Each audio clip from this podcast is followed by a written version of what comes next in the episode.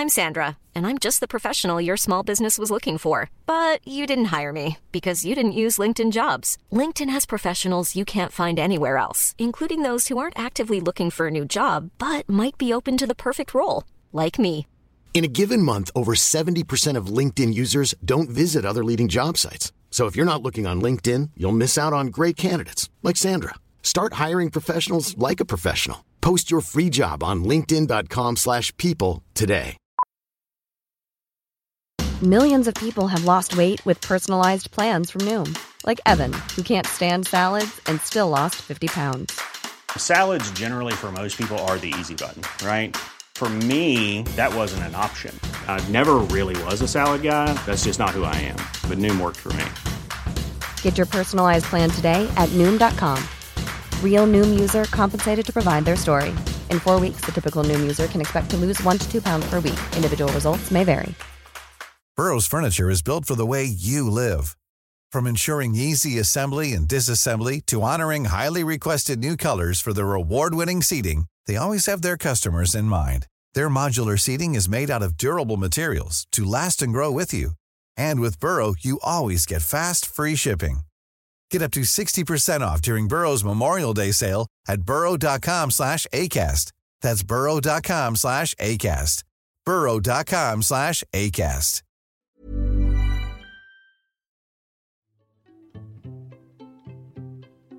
Du lyssnar på Rättegångspodden och på del två om hedersmordet i Gävle.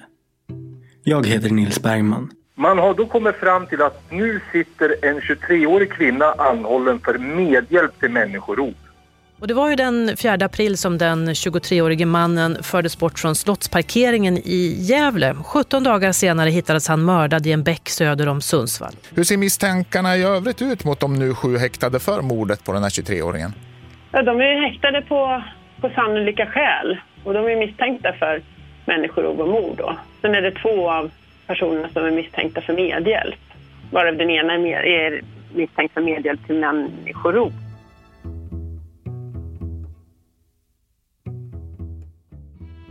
Två veckor efter att Ramin blivit bortförd av maskerade män hittas han mördad i ett skogsparti i området Maj utanför Sundsvall.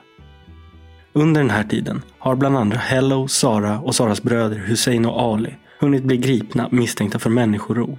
Och polisen har lagt ner otroliga resurser på att gå igenom sms och sparade Viber-samtal som blir till avgörande bevisning. Vare sig ni fattade på riktigt eller inte, jag älskade Ramin.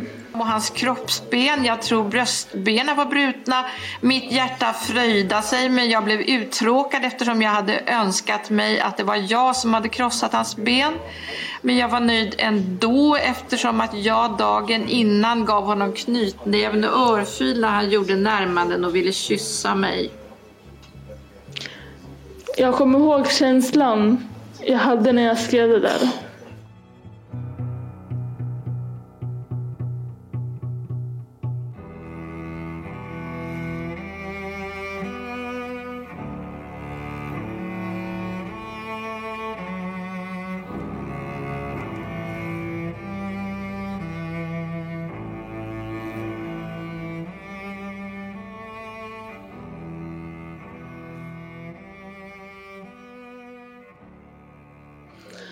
Och jag vill bara säga att det fanns ingen som helst planering till att skada Ramin mellan mig och Hello eller någon annan.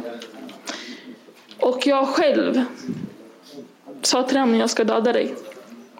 Men det har jag sagt hundra gånger tidigare och han har sagt det till mig. Så det var inget allvarligt. Och han visste det. Hade han vetat att jag verkligen skulle döda honom så hade han inte då skulle han inte komma. Sara står fast vid sin berättelse att varken hon, Hallow eller hennes bröder varit inblandade i mordet. Men hon vet om vad polisens utredare läst och lyssnat på eftersom de tömde hennes mobil och det blir svårt för Sara att förklara. Den 16 januari, en vecka efter att Ramin och Sara kom tillbaka från sin kärleksresa, vill Hallow veta vilka villkor Sara har för en återförening mellan de två. Sara har då en fientlig inställning gentemot Ramin och i Hello och Saras sms-konversationer framgår det att Saras villkor är att Ramin ska dö. att Halliken, som hon kallar honom, ska dödas. Vi hör Hello. Och hon eh, satte villkor med mig.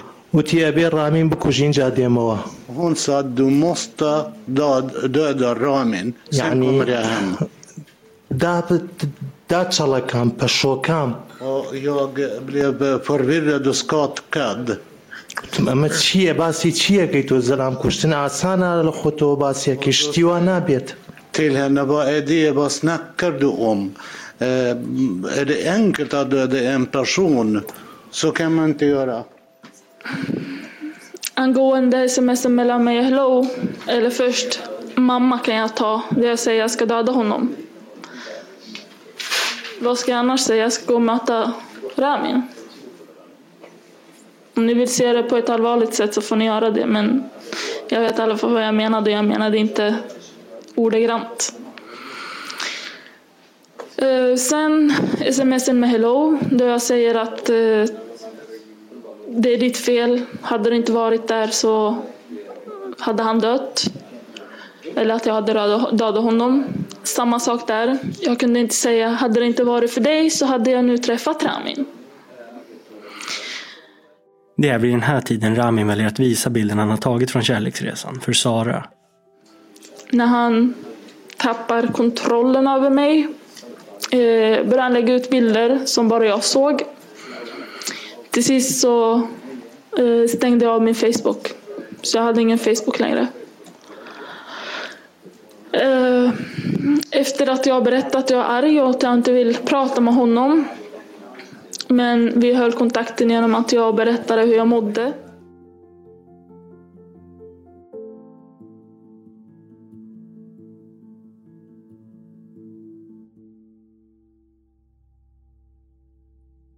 Sara blir alltså den första att se de komprometterande bilderna Ramin tagit på dem. Han visar dem enbart för henne först.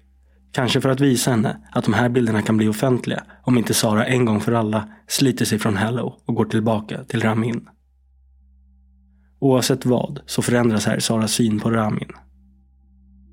Hon vet vilken katastrof det blir för hela släkten om bilderna läcker ut och hon skyr inga medel för att se till att de aldrig når dagens ljus. Under den här tiden är även Hello arg på Ramin och försöker gång på gång att söka upp honom. Ramin polisanmäler Hello flera gånger då han känner sig hotad. Men inte mycket händer med de anmälningarna.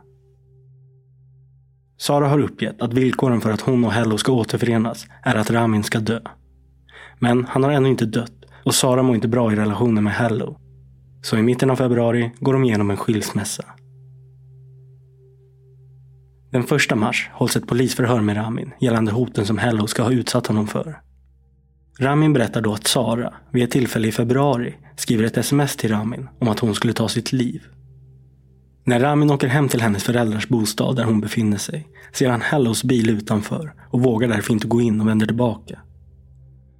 I polisförhöret berättar Ramin om att han hotats och blivit misshandlad av Hello och han tror att Hello och Sara planerar att tillsammans skada Ramin. Detta på grund av bilder han tagit under en resa till Tallinn. Han beskriver hur han fått hotelser via sms om att han ska dödas. Dagen efter det polisförhöret, den 2 mars, talade Ramin om för Sara att han kunde tänka sig att lägga ut bilderna offentligt på Facebook. Detta gör Sara oerhört upprörd och i en sms-konversation Sara har med sin syster framgår det hur mycket de här bilderna betyder för Sara. Dagen efter det, den 3 mars, väljer Ramin att publicera en av bilderna på honom och Sara. Detta gör Sara ännu mer upprörd och hon skriver nu extremt många sms till Ramin och till andra i familjen att Sara inte längre vill ha något med Ramin att göra. Att han sålt ut henne, att han inte tänker på heder och att han vill att Sara ska dö. Annars skulle han aldrig göra så här. Den 5 mars gör Sara officiellt slut med Ramin och byter telefonnummer. Hello har inte gett upp hoppet om Sara och på hennes födelsedag den 14 mars har han gjort en tårta till henne med deras namn på. Ingen mer kontakt sker mellan Sara och Ramin förrän fler bilder publiceras offentligt på Facebook från Ramins konto den 16 mars. Ramin skickar därefter vänförfrågningar till hela Sara och Hellos släkt och katastrofen är nu ett faktum. Sara ringer förtvivlat upp Ramin, som dock förnekar att han publicerat bilderna. Men Sara tror honom inte och upprepar att hon kommer att dödas på grund av det här. Samtalen är sparade via appen Viber och polisen har därför kunnat lyssna igenom dem. Sara kunde inte förlåta Ramin och menar att han sålt hennes heder och att hela hennes familj nu är hotade. Ramin blir då orolig för henne, men också för sin egen del. Den 19 mars får Hello reda på bilderna och blir ursinnig. Och i del 1 hörde vi mer om hur familjerna reagerade. Men vid flera tillfällen efter detta försöker Hello och Saras bror Hussein stämma träff med Ramin. Det vågar först inte Ramin. Han misstänker att det är en fälla. Men till slut, den 27 mars, går han med på att träffa Saras bror Hussein i Birsta utanför Sundsvall. De skulle då prata om hur Sara och Ramin skulle kunna bli ett par. När de väl träffas dyker en annan bil upp som sannolikt var Hellos, vilket framgår genom en sms-konversation Hello och Hussein haft under kvällen. Det var bestämt att Hello skulle dyka upp under Husseins möte med Ramin. Ramin blev rädd och avbröt mötet och lämnade Sundsvall. Senare i samtal med Sara uppger han hur han upplevde mötet som en fälla. Resten av månaden sker det mycket kontakt mellan Sara och Hussein. Där de försöker lösa problemet kring att släkten är skambelagd i hela Sundsvall och även i deras hemland. De pratar ihop sig om hur de på bästa sätt ska kunna locka Ramin till Sara. Vilket involverar att hon ska ta in på ett hotell där hon och Ramin ska bo. Ingen annan ska dyka upp förrän efter ett par dagar. Efter mycket lirkande lyckas Sara intala Ramin att hon verkligen vill träffa honom för att försöka lösa allting. I deras samtal framgår att Sara återigen poängterar att Ramin visat upp för hela Sundsvall och alla kusiner i Irak att hon är en hora. Ramins svar på det var att han ville visa hela världen att han älskade henne. I slutet av mars bestämmer sig Sara och Ramin för att återigen göra en resa tillsammans. De åker till Göteborg, tar in på hotell där och fortsätter senare uppåt och stannar en natt i Eskilstuna. Lördagen den 2 april tar Sara och Ramin in på ett hotell tillsammans i Gävle. Samma kväll har Hello samlats med flera av de övriga tilltalade hemma hos sig i Sundsvall för att titta på fotboll. Och det är där åklagarna menar att mordet på Ramin planerades. Sara och Ramin bor på hotellet i Gävle ett par nätter och den 4 april har de bestämt sig för att gå ut och bovla. Vi bovlade där. Eh, en timme kanske. Därifrån gick vi ut. Eh, vi skulle till, till hotellet. Då sa han att han skulle köpa cigaretter och gick till hemmakväll. Vi gick in. Polisen lägger stor vikt, eller åklagaren lägger stor vikt på att jag hade telefonen uppe. Och det är tydligen bara jag som gör det. Det är något konstigt. Uh, I alla fall ja, jag hade telefonen uppe. Jag varken skickade sms eller ringde till någon. Uh, vi köpte cigarett och så någon Red Bull tror jag. Uh, vi började gå mot hotellet. Jag ville promenera. Vi gick på trottoaren, trottoaren mot hotellet. Halvvägs dit säger han att han ska träffa en kompis. Och säger att jag skulle gå tillbaka till hotellet. Vilket jag gjorde. Han gick mot parkeringen och jag gick mot hotellet.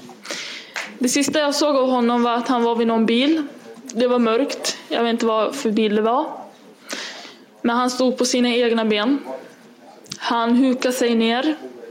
Om han gick in vet jag inte. Men han gick ner. Sara menar i tingsrätten att Ramin frivilligt satte sig i bilen som hade dykt upp och att hon var under intrycket att det var kompisar till Ramin. Men andra vittnen som sett det hela håller ju inte med om att det var så det såg ut. Och då när jag kommer nära så, så hör jag ju ljud då. Tydligare ljud utav ja, någon som försöker att skrika men som har någonting för munnen då, sannolikt. Mm. Eh, otäcka ljud, i mitt liv i varje fall. Väldigt otäcka ljud. Och det var det sista jag såg av Ramin. Jag gick tillbaka till hotellet. Jag städade undan lite kläder, höll mig sysselsatt, kollade på TV.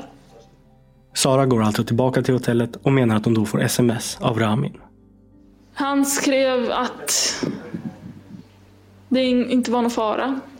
Att jag inte skulle vara orolig. Att jag, om han inte kom tillbaka, att jag skulle kontakta polisen. Och för mig var det inte så konstigt att Ramin snackade på det sättet. Så jag la ingen stor vikt på det. Bilen som Ramin då befinner sig i är då i hög hastighet på väg norrut. Och Saras och Ramins mobiler kopplar upp mot samma mast. Vilket indikerar att Sara själv haft Ramins mobil i ägo under tiden hon påstår sig mottagit smsen från honom. Dagen efter, vid åtta tiden, sju, åtta tiden, jag kommer inte ihåg. Jag eh, smsade och ringde till Ramin. Fick ingen svar. Då ringde jag polisen. De kom. Jag berättade det som hände. Följde med till polisstationen. Var där hela dagen. Förhördes. Sara väljer att dagen efter själv gå till polisen och anmäla Ramin försvunnen. Hon blir inte misstänkt för något i det här stadiet. Men man passar på att tömma hennes mobil. Och då kan man se att Sara haft en Viber-konversation med någon i samband med att Ramin köper cigaretter på hemmakväll. Men man kan inte se vem hon har haft kontakt med. En minut innan Ramin gör sin betalning så har du en Viber-uppkoppling. Men du kan idag inte minnas vem det är du har kontakt med eller vad du gör? Inte varit i kontakt med någon Nej. via Viber. Nej, för jag tänker så här. Mm. Ja, vi kan ju inte se, för du har ju nämligen raderat Viber. Det stämmer, jag har raderat Viber många gånger. Mm, men kan du berätta varför du gjorde det just här och då? För att den brukar hacka. Så det har ingenting med just det tillfället att göra. Och sen är det återinstallerat den 5 april. Den 4 april är du inne och anmäler Ramin och sen är det raderat någon gång återinstallerat 5 april. Men det är inget konstigt med det. Jag har inte raderat den på grund av något jag vill dölja. Nej. Det är det jag har det jag För vad vi också kan se, det är ju att exakt samma sak har Hallow gjort. Ja, men det får han själv stå för. Jag tänker inte sitta och diskutera vad han har gjort och inte gjort. Sara förhörs först som vittne och som sagt inte som misstänkt. Men konversationerna och informationen från Saras mobil leder till att misstankar om inblandning i Ramins försvinnande blir så starka att hon den 10 april anhålls. Man kartlägger de kontakter hon haft, vilket leder till att polisen följande dagar griper både Hello, Hussein, Ali och ytterligare tre kompisar till Hello. Ett av de sparade samtalen åklagarna finner väldigt intressant är den mellan Sara och Hello och de villkor hon ställer. Vi hör åklagaren Carolina Lindekrans. Vad som framgår av samtalet här, man läser då det som är understruket. Hello säger, och ditt villkor, är detta att jag dödar honom, den där, eller hur? Hade du ställt villkor till Hello att han skulle döda Ramin? Nej, det enda jag har sagt till honom är att han ska låta bli Ramin. Mm. Men, men eh, ha- han har då alltså uppfattat det som att, att han ska döda Ramin? Det är ju det. Men det är hans egen hjärna. Han, eh, det var det enda han tänkte på varje dag. Ja, men när han då sa så här till dig. Ditt villkor är det att jag dödar honom. Du säger ju inte till honom här, vad framgår av det här samtalet i alla fall. Nej! Nästa samtal i så fall. Ja, men, men i det här samtalet, nej, var har du fått det ifrån? Du säger ingenting. Lång tystnad. Nej, jag säger ingenting. Nej. Så du tar inte honom ur villfarelsen. Han verkar ju tro att du vill att han ska döda Ramin. Ja, men det är vad han tror. Ja, men varför säger du inte till honom att det är inte så? Jag har sagt till honom senare, kommer jag inte ihåg exakt. Jag har sagt till honom att döda eller inte döda honom, det, är liksom, det angår mig inte för att jag hade ingenting att säga om det. Han hade redan bestämt sig. Det skulle vara krig mellan Ramin och det var det. Det är tre åklagare involverade i denna enorma rättsprocess. Och åklagaren Christer Petersson frågar Hello hur han uppfattade Saras villkor. När Sara ställer det här kravet, att, eller som du uppfattade villkoret, att Ramin måste dö.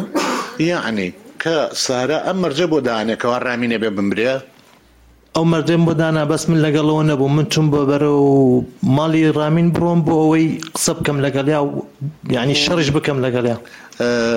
هون ساتە دێ بێلکورت منێوەڕینتە میە ئۆم دێت یاوی لە هەم تیلڕامین پراتە مێهۆنۆم و برۆخۆم مێهۆنۆمۆکسۆ. ئەمەوێت تێبگەم لێ بۆچی وا لە خێزان مەکاوە شتێکی ناشرینی ئەگەر کەسێک Jag ville förstå honom. Varför gör han så här med min fru? Hello menar att det aldrig var tänkt eller planerat att Ramin skulle dö.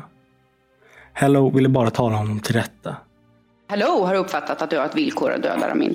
Var det så att du var orolig för att Ramin hade bilder på dig och att du var rädd att bilderna skulle komma ut och att du därför ville ha honom dödad? Nej. Det var inte så. Sara förklarar något luddigt att anledningen till att hon säger och skriver sådana saker är att det är så hon pratar. Om hon säger att någon ska dö menar hon inte det ordagrant. För du säger ju i det här samtalet till Hello så här, och varför ska du berätta för min far? Om du berättar för min far så kommer han att åka hem till honom och döda honom. Var det så? Nej. En sak vill jag säga. Du kan inte ta mitt språk emot mig. Det här, när vi säger det menar inte vi det som det är att gå och döda. Nej, men nu är ju Ramin död. Ja, men när var det? När dog Ramin? Ja. Ja, när dog han? Ja, han dog i, runt I den april. april, ja. ja. Och när var det här? Ja, det var ju den Januari. 21. Ja. Precis. Det finns även uppgifter på att Sara i februari ska ha pratat med Ramin där hon sagt att hon vill döda honom. Jag ska döda dig. Samma dag som du skickat sms till din mamma och sa idag ska jag döda afghanen. Har jag förnekat det eller? Nej. Nej, då så. Men i Saras värld är det som sagt inte uppseendeväckande att uttrycka sig så. Ta hand om barnen mor. Idag ska jag döda halliken afghanen. Vad menar du med det då? Ja, som jag förklarade, jag alltså, sa till honom, till honom antingen kör du bilen och krockar eller så kör jag den och krockar. Mm. Och det berättade du för din mamma? Jag berättade inte detaljerat, jag skrev bara så till henne. Det var inte så att du sa det för att du var rädd att Ramin skulle lägga ut bilder? Till mamma? Ja. Nej. Den 25 mars har Sara telefonkontakt med Hussein. Sara frågar om du har ringt någon. Nej, jag har inte ringt honom än. Jag har precis kommit in. Och jag sitter här och brinner. Jag brinner eftersom jag vill att han ska få veta om det och då vill jag se vad han tänker göra. Ja, ja, vad är klockan nu? Eh, hon är kvart över åtta. Bränn, bränn, bränn så mycket du orkar att bränna. Bränn så mycket du orkar och låt mitt hjärta fröjdas. Och åklagarna reagerar på hur det kommer sig att Sara i sin berättelse uppgett att hon under den här perioden har valt Ramin. Att det är honom hon vill ha. Och ändå så vill du vara med Ramin? Vare sig ni fattar det på riktigt eller inte. Jag älskade Ramin.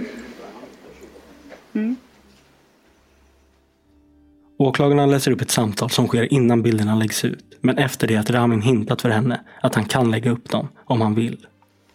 Samtal till Ramin 0129. Du behöver inte be mig, du har alla bilder så be dig själv.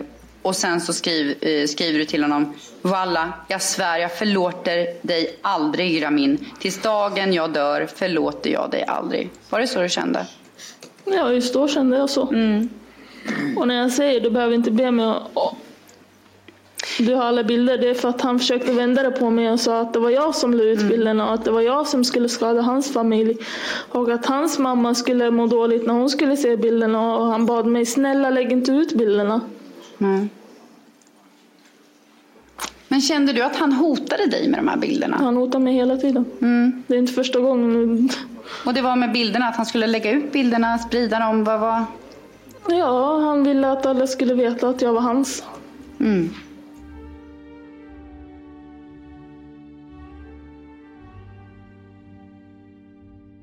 I mitten av april sitter samtliga inblandade häktade och avskilda från varandra. Men Sara och Hello lyckas höra varandras röster när Sara sitter hos en psykolog och Hello befinner sig i det närliggande gymmet. De börjar då skriva meddelanden till varandra på träningsmaskinerna och som sen går över till lappar och brev som de lyckas smuggla mellan varandra. Vi hör den tredje åklagaren, Tora Holst. Jo, eh, jag vill avsluta med att fråga dig lite grann om det här brevet som, du, eh, som vi tog i beslag på häktet. För att det här eh, talar ju ett annat språk än det du har framfört nu här till oss. Och du, här är ju uppenbarligen så att eh, du skriver till Hello och du skriver om hur du älskar honom och vill ha honom och eh, bönfallit honom om att ta tillbaka dig. Det handlar ganska mycket om din kärlek till honom. Ja, vad är det som är konstigt med det? Han är far till mina barn. Han, är, han var min man. Eh, Du svär vid Koranen och du svär, eh, den här jag svär vid allt som eh, dyrbart för mig, sidan, här, sidan 863 det här, eh, som är du och barnen, inte för hallikens skull som du kallar uppenbarligen Ramin för, tro det eller ej, jag har inte älskat någon annan än dig sedan jag var 14-15 år, du är den första mannen jag älskat i mitt liv, du är mitt liv. Var ska det vara? Du var mitt liv. Det är fel tolkat där. Ja, det... Och anledningen till att jag skrev Halliken, det är som jag sa innan, jag ville inte ta upp det för att han skulle ta upp det och säga från sin sida. Men han nämnde ju inte att det fanns någon kommunikation mellan mig och han förutom det här. Men vi har ju skrivit till varandra och han har frågat, han har sagt till mig att jag skulle skriva vad jag har sagt och att jag skulle säga att han var hemma den, eh, den dagen med barnen. Och det var det jag trodde också. Mm. Uh, femsidig Och anledningen till att jag skrev Halliken är för att han kallar Ami för Halliken. Är det bara där ja. Eh, Du har, eh, du har skrivit också Hans död skulle ske på min hand och jag, hade jag älskat honom upp till en procent hade han eh, varit vid liv nu. Och jag säger igen, jag ville få ut svar. Jag ville veta. Vad ska jag säga? Ska jag säga jag älskade honom? Det är ju, jag använder ju ett annat sätt att få ur honom det jag vill veta. Mm. Du, eh, du, var det någon slags utpressning mot Hallow eller hur ska jag förstå det? Det är svårt att förstå vad du säger nu. Ja, men då är det svårt för dig att förstå, men jag vet varför jag skrev det. Och min anledning till att jag skrev det var att jag ville få ut information. Jag levde i ovisshet, jag visste inte vad som hade hänt, jag visste inte vem som gjorde vad. Och hade jag fått välja en gång till så hade jag gjort samma sak igen. Och hade inte ni kommit på det då så hade jag säkert fått mina svar. Ja, det här var alltså för att få... Eh, du ville ju eh, uppenbarligen att han skulle dö för... Eh, jag förstår inte det här att du skulle... Du säger ju här att du skulle vilja döda honom själv. Att det var liksom att det var döda Halliken själv som du skulle vilja... Ja men ska jag säga till honom, jag ville leva mitt liv med honom och vad har du gjort? Är det du som har gjort det? Ska jag skriva så eller? Jag försöker få ut information, såklart jag vänder mig mot Ramin för att han ska stå på min sida och för att jag ska få veta vad han har gjort eller inte gjort. Aha. Du säger att eh, längst på den här sidan, jag hade en kniv i min väska och jag ville döda honom men Hassel sa att han Det ville är också fel upprätthålla... tolkat. Jag hade kniven för att det var min andra väg liksom. Jag tog den innan jag gick, det var min andra väg jag skulle ta. Skulle det inte lösa sig så skulle jag sätta den i magen på mig själv. Jaha. Och Hassel säger att han ville upprätthålla sin rättighet. Det tyder ju ändå på att din familj också var intresserad av hans Det är något jag sa, det ska inte tas emot dem. Mm. Ta nästa sida där. Eh, och sen kommer Eh, det här du säger, polisen sa att hans näsa var bruten och hans huvud var krossad. Men, men eh, eh, han dog när någon ströp på honom och hans kroppsben, jag tror bröstbenen var brutna. Mitt hjärta fröjda sig men jag blev uttråkad eftersom jag hade önskat mig att det var jag som hade krossat hans ben. Men jag var nöjd ändå eftersom att jag dagen innan gav honom knytnäven och örfil när han gjorde närmanden och ville kyssa mig. Jag kommer ihåg känslan jag hade när jag skrev det där. Och jag grät genom hela det här som jag skrev. Mm. Och har du någonting mer som du vill tillägga? Nej. Tack, då jag, har jag inte några fler frågor. Två veckor efter att Ramin förts bort hittar man till slut Ramins kropp liggandes i en bäck vid ett skogsparti i området Maj utanför Sundsvall. Det kanske är bra. Hörs det bättre nu? Hör ni snäcksäckar nu? Prova nu då. Ja, hör ni nu? Nej. Ah, vi provar ändå. Ja, jag ska försöka tala högt och tydligt. Ja, ja. Nej, det, det, det är på hörsnäck. Ja, men strunta i det där.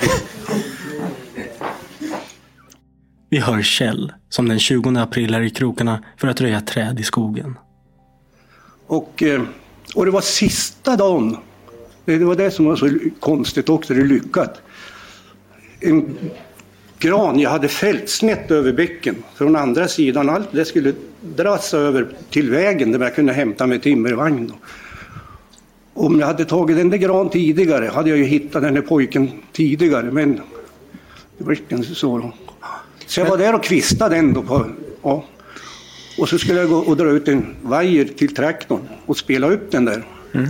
Och då såg jag någonting konstigt i bäcken. Eller konstigt är det väl inte. Det hände någonting som alldeles som någon plastikbit eller någonting. Så jag tänkte det är väl någonting från bygge för de hade precis upp och jobbat med järnvägen. Mm. Så det är väl någonting som har blåst runt. Men jag släppte kättingen och gick och tittade. Då låg det en människa där. På magen i... Ja, det var ju bara avslutat. Så att då ringde jag polisen. Eller jag ringde larmcentralen som skickade mig till polisen i Sundsvall och sen gick det ju fort då. Okej. Och sen då så kom eh, polisen till platsen och du fick visa ditt fynd. Ja, och jag for ut i vägen och, och eh, vad heter det? Och väntade på dem. Ja, så de inte for förbi där då. Ja. Nej, okej. Och du sa att han låg, låg han så att säga med ansiktet neråt? Ja, jag såg, det var det axelpartiet som jag Mm. stack upp ur vattnet. Då. Okej.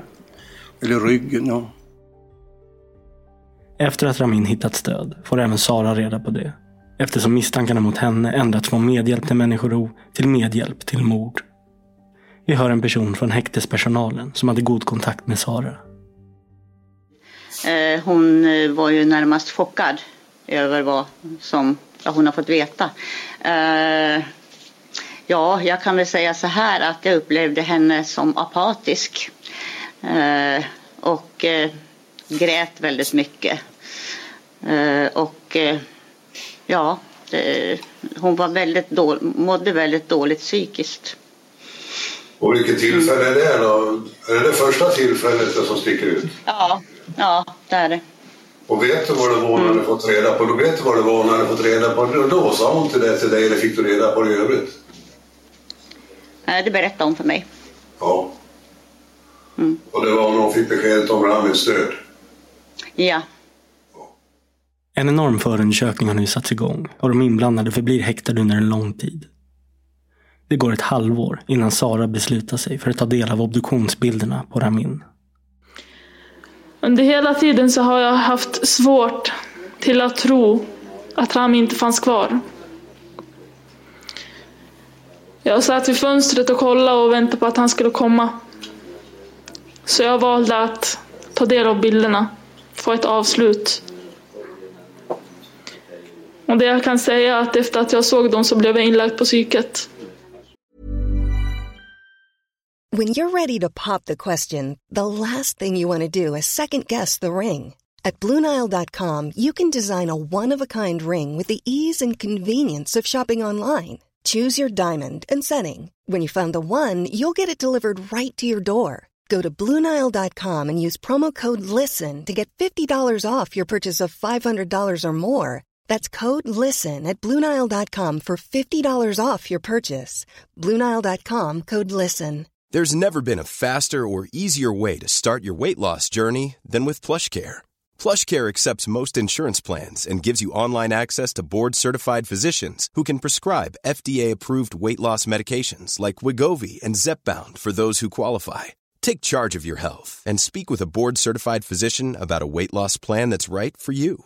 Get started today at plushcare.com slash weight loss. That's plushcare.com slash weight loss. plushcare.com slash weight loss. I'm Sandra, and I'm just the professional your small business was looking for. But you didn't hire me because you didn't use LinkedIn jobs. LinkedIn has professionals you can't find anywhere else, including those who aren't actively looking for a new job but might be open to the perfect role, like me. In a given month, over 70% of LinkedIn users don't visit other leading job sites. So if you're not looking on LinkedIn, you'll miss out on great candidates like Sandra. Start hiring professionals like a professional. Post your free job on linkedin.com/people today. Planning for your next trip? Elevate your travel style with Quince. Quince has all the jet-setting essentials you'll want for your next getaway, like European linen, premium luggage options, buttery soft Italian leather bags, and so much more and is all priced at 50 to 80% less than similar brands. Plus, Quince only works with factories that use safe and ethical manufacturing practices. Pack your bags with high-quality essentials you'll be wearing for vacations to come with Quince. Go to quince.com slash pack for free shipping and 365-day returns. Vi hör rättsläkaren Susan Sproge Jakobsen som utförde obduktionen på Ramins kropp. Där påvisade vi vid obduktionen en horisontellt förlöpande snörfåra øh, runt halsen med blödningar i halsens mjukdelar, brott på struphuvudets högra övre horn och punktformade blödningar i ögonens bindhinnor. Øh, dessutom blödningar i huvudsvålen, i mjukdelarna i ansiktet, i tungan, i munslimhinnan, eh, øh, en krosskada i pannan och brott på näsbenet. Dessutom brott på det högra och det vänstra elfte revbenet eh, øh, och blödningar i mjukdelarna på bröstkorgens vänstra sida. Och dessutom øh, ärrbildningar på den högra överarmen och øh, begyndende förruttnelse med avlossning av överhud och tecken på uppehåll i vatten med så kallad tvätterskehud i händerna och på fötterna. Så det var fynden. Susan kommer fram till att omständigheterna talar starkt för att döden orsakats av strypning mer än snara. Man tror att han legat avliden i omkring en eller ett par veckor. Det är svårt att avgöra exakt dödstidpunkt eftersom han legat utomhus med större delen av kroppen täckt med kallt vatten. Den omständigheten gör att det även är svårt för Susan att ge klarhet i hur och när de andra mycket omfattande skadorna på Ramins kropp uppstod. Och en av de medåtalade ska enligt Ali berättat för honom att han under mordkvällen citat dansat på Ramins bröstkorg. fråga där. Det har eh, någon uttalade, har uttalat här att det ska eh, uttrycket var dansat på hans bröstkorg. Att, jag föreställer mig att någon ska, kan ha stått på bröstkorgen, eh, eh, låter det som. Låter det förenligt med de här fynden? Um, ja, det rör sig om en uh, yngre person, som har uh, ganska elastiska revben. Øhm, jo äldre man är, ju stelare blir revben och desto lättare får man brott. Är man yngre, så är det mer elastiskt och... ja, den trubbiga vold ger upphov till blödning, men kanske inte brott. Ja, man kan ha øh, sparket, øh, på bröstkorgen. Det är möjligt, absolut vad sa du senast där? Det... Man, man har... øhm, Trampat alltså? Ja, ja. till exempel. Ja. Men, men der findes, øh, det er enbart på de her tre ställen, at der findes skader. Ja. Altså venstre side af bröstkorgen og på siderne. Du håller här nere, alltså det är ganska långt ner mot midjetrakten alltså det här sitter. Ja, lå, lågt øh, på siderne. Øh, ja. Saras bror Ali var med och förde bort Ramin. Men enligt han själv satt han i den bilen som Ramin inte satt i och förstod inte alls vad som hände under kvällen. Han såg aldrig att Ramin mördades. Som jag sagt, jag har ingenting med Ramin att göra. Jag älskar inte honom. Men jag hatar inte honom. Jag har inga problem med honom. Förstår du? Det enda problem som jag blandar mig eftersom jag vill hjälpa Hallå och eh, Sara, ingenting mer. Det är inte min, min heders Sara nu. Hon är Hallås heders. Så han, han har fått förklaringen för allt vad som händer till Sara. Så han som han eh, ansvar, inte jag. Eller min familj. Men Ali vittnar om att Hello, några dagar efter, berättar för deras pappa att Ramin är död. Men att det inte heller var Hello som mördat honom, utan att det var en av kurderna som de anlitat att vara med. Sara och hennes bror Hussein hade omfattande kontakt med varandra under veckorna som ledde upp till mordet, där det ser ut som att de planerat bortförandet av Ramin. Det är fastställt att Hussein under mordkvällen befann sig i Gävle. Men Hussein menar dock att han inte haft någon delaktighet i någonting gällande Ramin och att han under tiden för bortförandet satt vid en kiosk och letade efter en bil på Blocket som han skulle köpa och det var därför han befann sig i Gävle. Min syster, Mm. jag är hennes bror. Ja. Hur kan det vara konstigt att jag får för mig att jag ringer henne då? Ja, för det, det som jag vill undra om det är ju det du vet ju om i vart fall nu vad det är som har hänt.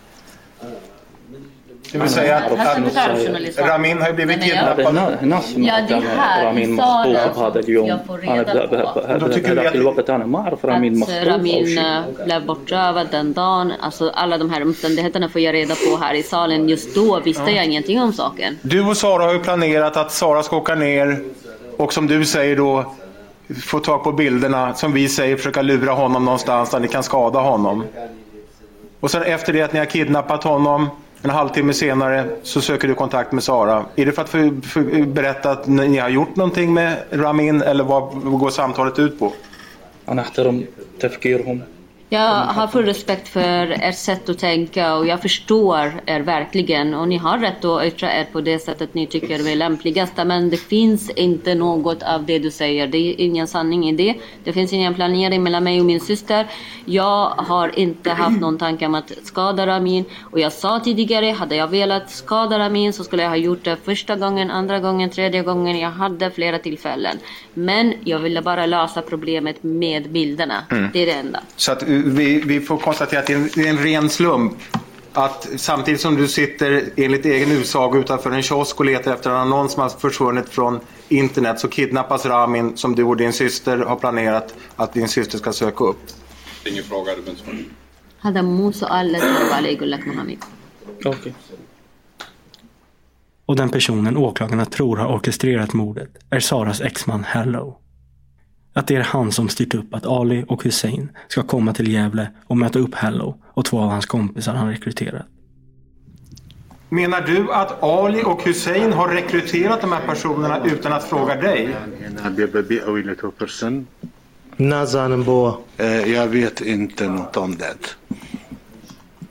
Utan någonting som du har gjort upp med Ali och Hussein så visar det sig då att mellan tre och fyra på eftermiddagen eh, att det ska vara ett gäng kurder med också. Ja. Och det har du inte haft någon som helst kunskap om? Eh, Nej. Vad ska ske? Varför behövs det ytterligare personer? För att eh, det var en sak om att vi skulle till för att slå någon. Ja, men du och Ali och Hussein, ni är ju tre killar. Och det är en man ni ska ge er på och slå som du säger. Nämligen Ramin. Okej, det här är alltså killar, Milano, Mustafa, som är hemma på fotbollskvällen den 2 april. Milano och Mustafa är med när Mustafa får BMWn på söndag kväll den 3. Mustafa ringer dig på morgonen den 4 april och undrar vilket nummer ska jag kontakta dig på? Och får då svaret 1982. Och sen har de blivit rekryterade till den här resan helt utan din vetskap. Ja.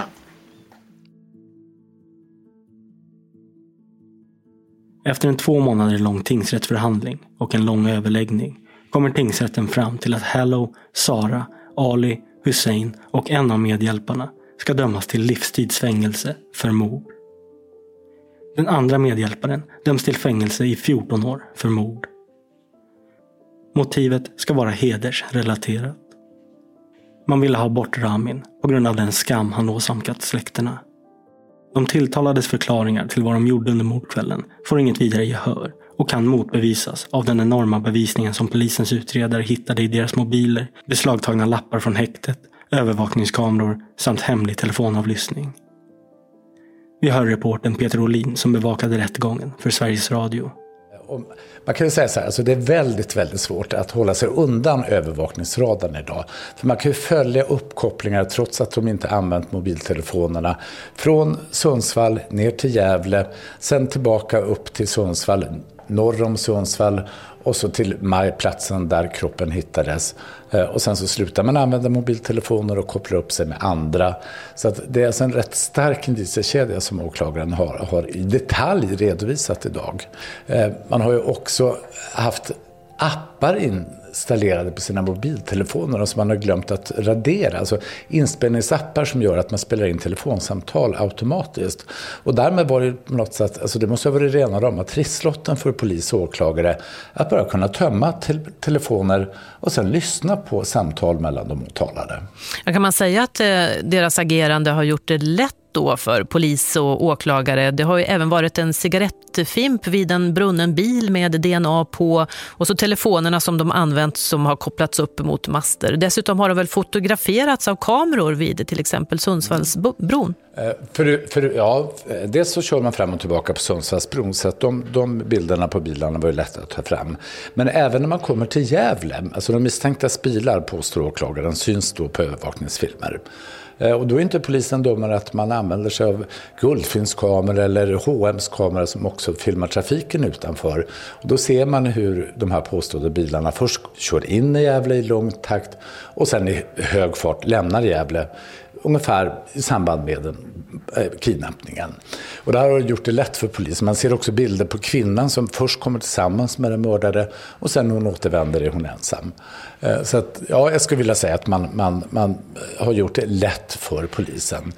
Men vi ska också komma ihåg att det här är ju inga, inga alltså, proffs. Det, det är ett gäng vänner, familj eh, som, som har gått samman och eh, som det verkar i alla fall om man ska tro åklagaren, tingsrätten, Eh, har bestämt sig för att ta livet av en ung man.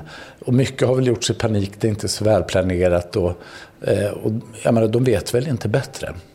Eh, och ibland får jag nästan känslan som att de inte förstår allvaret i vad de har gjort. Samtliga morddömda överklagar sina domar till hovrätten, vars förhandlingar drar igång i Nedre Norrlands hovrätt under hösten 2017. Då har de inblandade haft tid att låta det som hänt sjunka in och några av dem väljer att krypa till korset. Det, det vi ska höras om det är just de delarna där du har lämnat felaktiga uppgifter, där du har undanhållit uppgifter. Givetvis så ska din berättelse vara sammanhängande, mm. men lägg, lägg, fokus just på de delarna. Ja. Det hålls nya förhör i hovrätten, där några av de tilltalade åtminstone berättar lite mer än vad de tidigare berättat. Vi hör Sara. Ehm, jag kommer inte ihåg exakta datumet, men eller ifall det var i tåget eller i Gävle, det har jag ingen bra minnesbild av. Men då bestäms det att jag och Ramin ska till parkeringen och där skulle Hello och Hussein vara. Där skulle Hello visa mig att han var en man. Den fjärde var jag och Ramin ute som jag har berättat och eh, efter bowlingen så går vi den väg som jag har berättat om. Och när vi går så hör vi att det är folk som springer bakom oss. Eh, när vi tittar om så är det, har de rånarluvor på sig. Så både jag och Ramin skriker till och backar in mot muren. Eh, då tar de tag i honom och släpar iväg honom. Eh,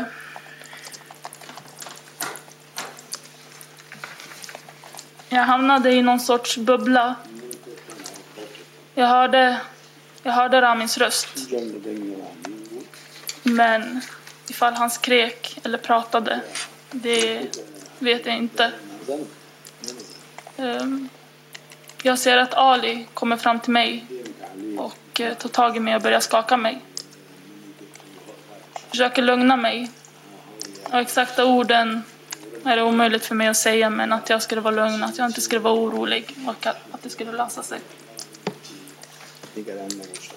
Eh, sen gick han därifrån. Ramins mobil låg på marken, så jag tog upp den. Eh, jag började gå mot parkeringen och A6an som de tog in Ramin i. Eh, jag visste inte vad som, hände, vad som höll på att hända. Jag kunde inte få in det i hjärnan.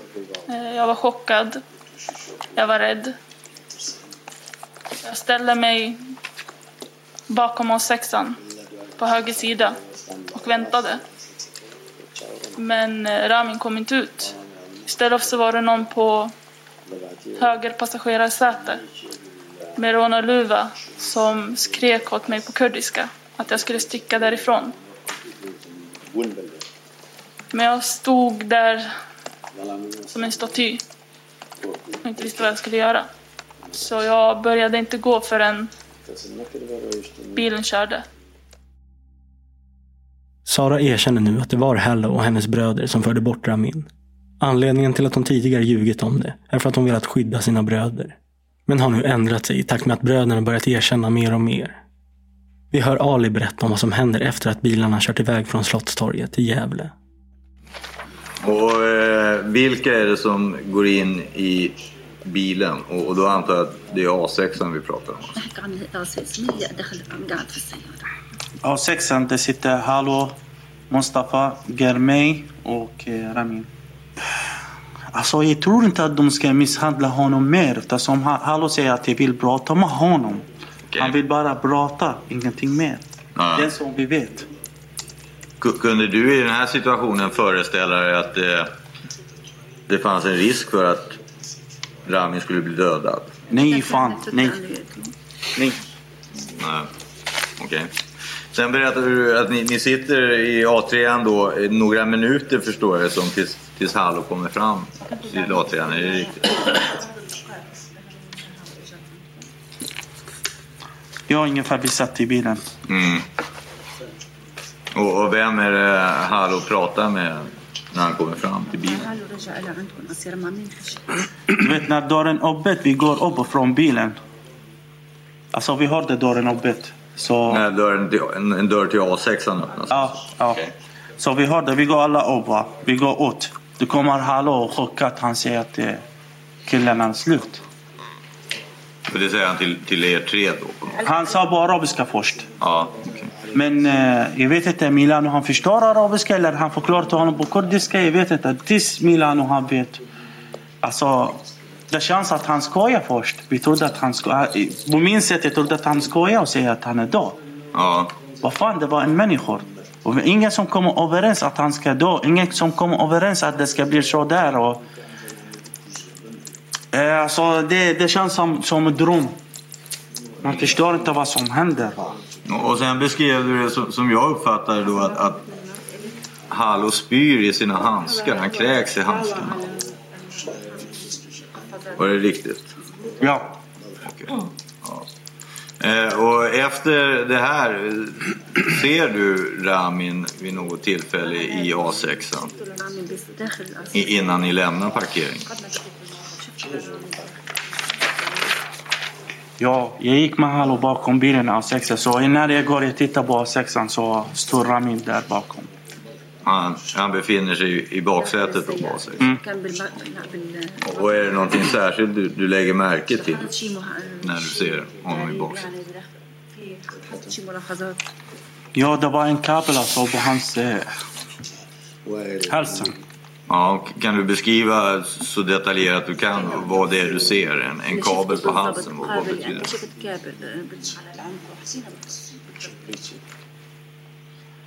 det? Eh, alltså det visste jag att det är startkabel eftersom det är knapp på den va.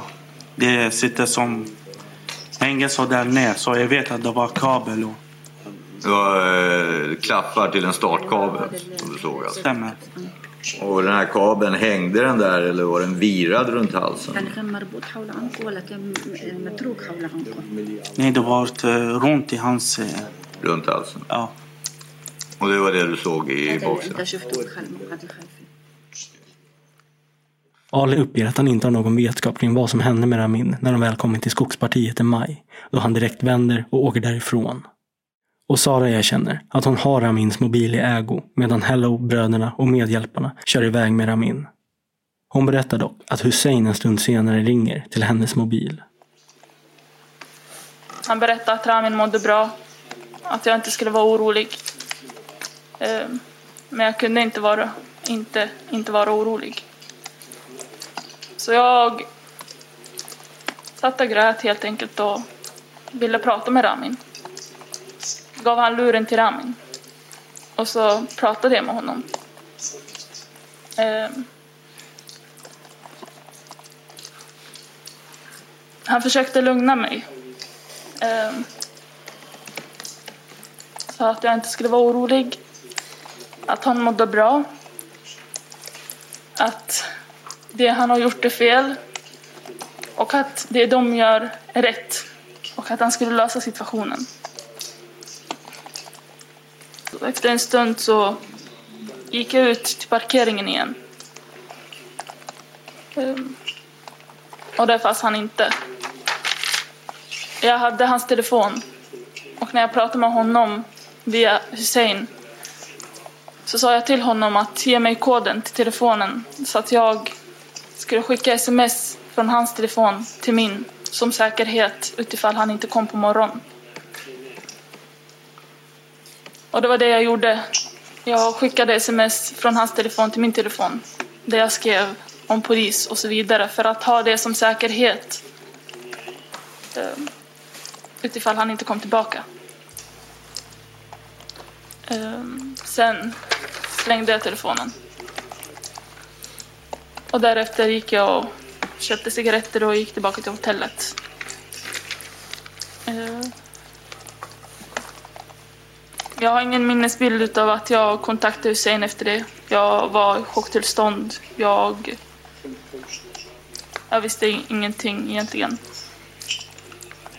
Så dagen efter när han inte var tillbaka så kontaktade jag polisen. Men jag kunde inte säga sanningen till dem. För att jag kunde inte säga att min pojkvän blev indragen i en bil av mina bröder och min exman bland annat.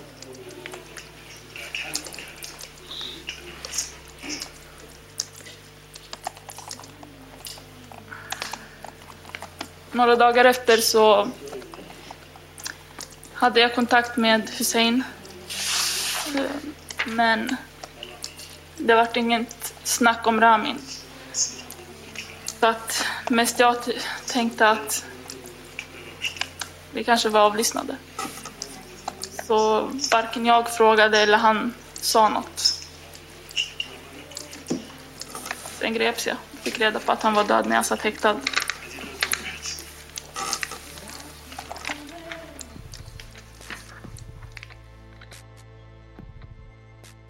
Även Hussein ändrar sin berättelse i hovrätten och erkänner att han var delaktig i bortförandet av Ramin, men att han inte var delaktig i mordet.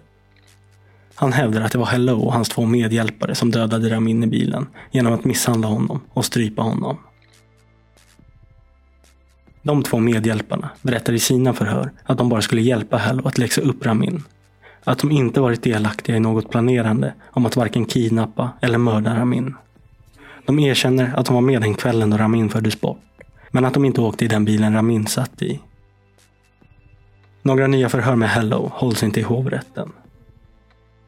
Efter en noggrann överläggning av all bevisning som åklagarna presenterat fastställer hovrätten tingsrättens livstidsdomar för alla utom Sara, vars dom ändras till fängelse i 18 år för medhjälp till mord. Ytterligare en medhjälpare ska enligt de åtalade ha varit med på kidnappningen och under själva mordet. Det finns övrig bevisning som också tyder på det. Men den personen har polisen aldrig lyckats få tag på. Han flydde utomlands kort tid efter mordet och har varit internationellt efterlyst sedan dess. Du har lyssnat på Rättegångspodden om hedersmordet i Gävle. Mitt namn är Nils Bergman. Ansvarig utgivare är Jonas Häger. Tack till Albin Håkansson som hjälpt till med att lyssna igenom ljudupptagningarna. Och tack för att ni har lyssnat.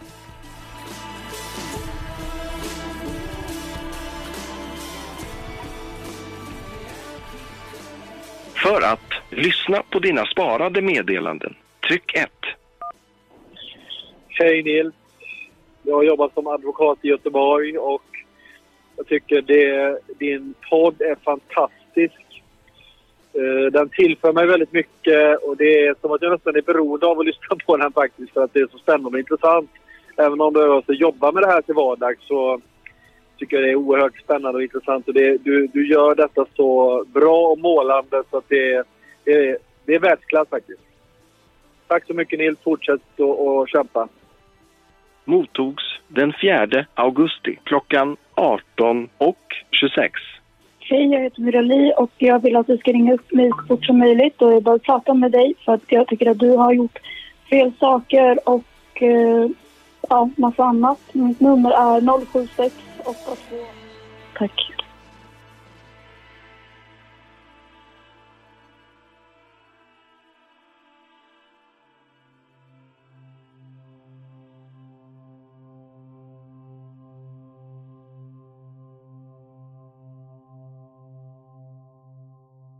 Hej Nils, eh, det här är Elin från Kungsbacka och jag vill ju först och främst tacka dig oerhört mycket för det fantastiska jobb du gör och som du delar med dig av till alla oss rättegången-fans.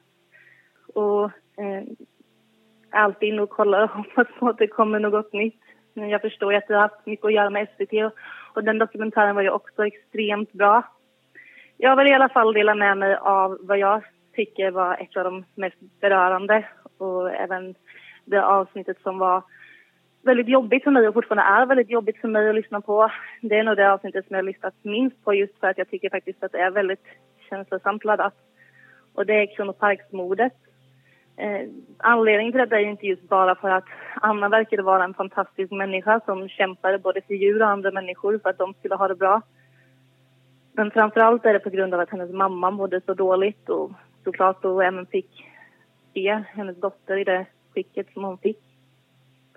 Och det som verkligen etsade fast sig efter det här avsnittet det är något av det sista som hennes mamma säger. Och det är, det får inte bara vara en notis i en tidning. Och tack vare dig Nils så kommer det aldrig någonsin bli bara en notis i en tidning utan jag och många andra tänker på Anna, kommer alltid tänka på Anna. Vi tänker på hennes familj. Vi fick veta vad som hände med henne. Och förhoppningsvis så kanske hennes mamma också vet om att vi är många som tänker på hennes dotter. Och det tror jag är någonting som är väldigt värdefullt för, för henne i utgångspunkt från det uttalandet då sen innan. Så jag vill inte bara tacka dig för en podd som du gör för mig och alla andra utan även för det du gör för brottsoffren. Så tack så jättemycket och så hoppas jag och alla andra då såklart att det kommer ett nytt avsnitt snart idag. Hejsan Nils, eh, Edvin heter jag och eh, jag har lyssnat på alla dina avsnitt, eh, jag vet inte hur många gånger. Jag tycker det är fruktansvärt bra och intressant. Och eh, jag vill eh, rikta ett särskilt tack till dig eh, nu efter att jag har hört avsnittet om Anna i Karlstad. För jag kände Anna. Vi träffades 2008 eh, som vänner då. Och eh, det var en extremt trevlig och, och, och god tjej. Eh, och jag sörjer henne verkligen att hon är borta. Och eh, som sagt, jag tycker det är viktigt att sånt här kommer fram och att hennes röst blir hörd på det här sättet. Då. Eh, stort tack för att du gör de här avsnitten. Ha det bra. Hej Nils, Detta var Vashi från Göteborg. Måste säga att eh, morot i Surahammar, gåshud, riktigt bra. Och som en gammal göteborgare så hade man önskat lite mer Göteborgsfall också. Men det här är väl något som vi kan klippa ut. Men riktigt bra i Surahammar-modet och ja, du får nog tänka till. Det kan gå bara sådär fort från ingenstans. Ja, men har det gött så fortsätter du gör. Jag fortsätter att lyssna. Ha det gött, hej! Hej Nils. Jag vill inte precis prata om något rättsfall. Jag ville bara säga att jag är så glad för din skull. Jag har precis sett eh, alla delar av eh, Arboga-fallet på SVT Play. Eh, superbra. Och jag är så jäkla eh, glad och typ stolt för din skull fast vi inte ens känner varandra. Jag älskar Rättegångspodden. Och eh, det är så coolt och så bra att eh, du har fått göra en dokumentär för SVT. Eh, keep up the good work och eh, jag sprider ditt arbete till så många som möjligt för att det är toppen. Ehm, ja, glad för din skull. Lycka till i framtiden. Ha det fint. Hej!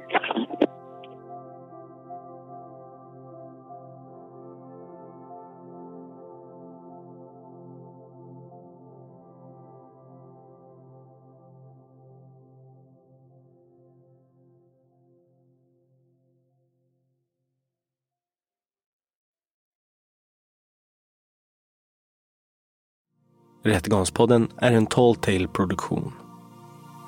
Ansvarig utgivare är Jonas Häger. Och Rättegångspodden görs i samarbete med Lexbase. Ange rabattkoden Rättegångspodden när du blir ny betalande medlem på lexbase.se och få tre kostnadsfria domar.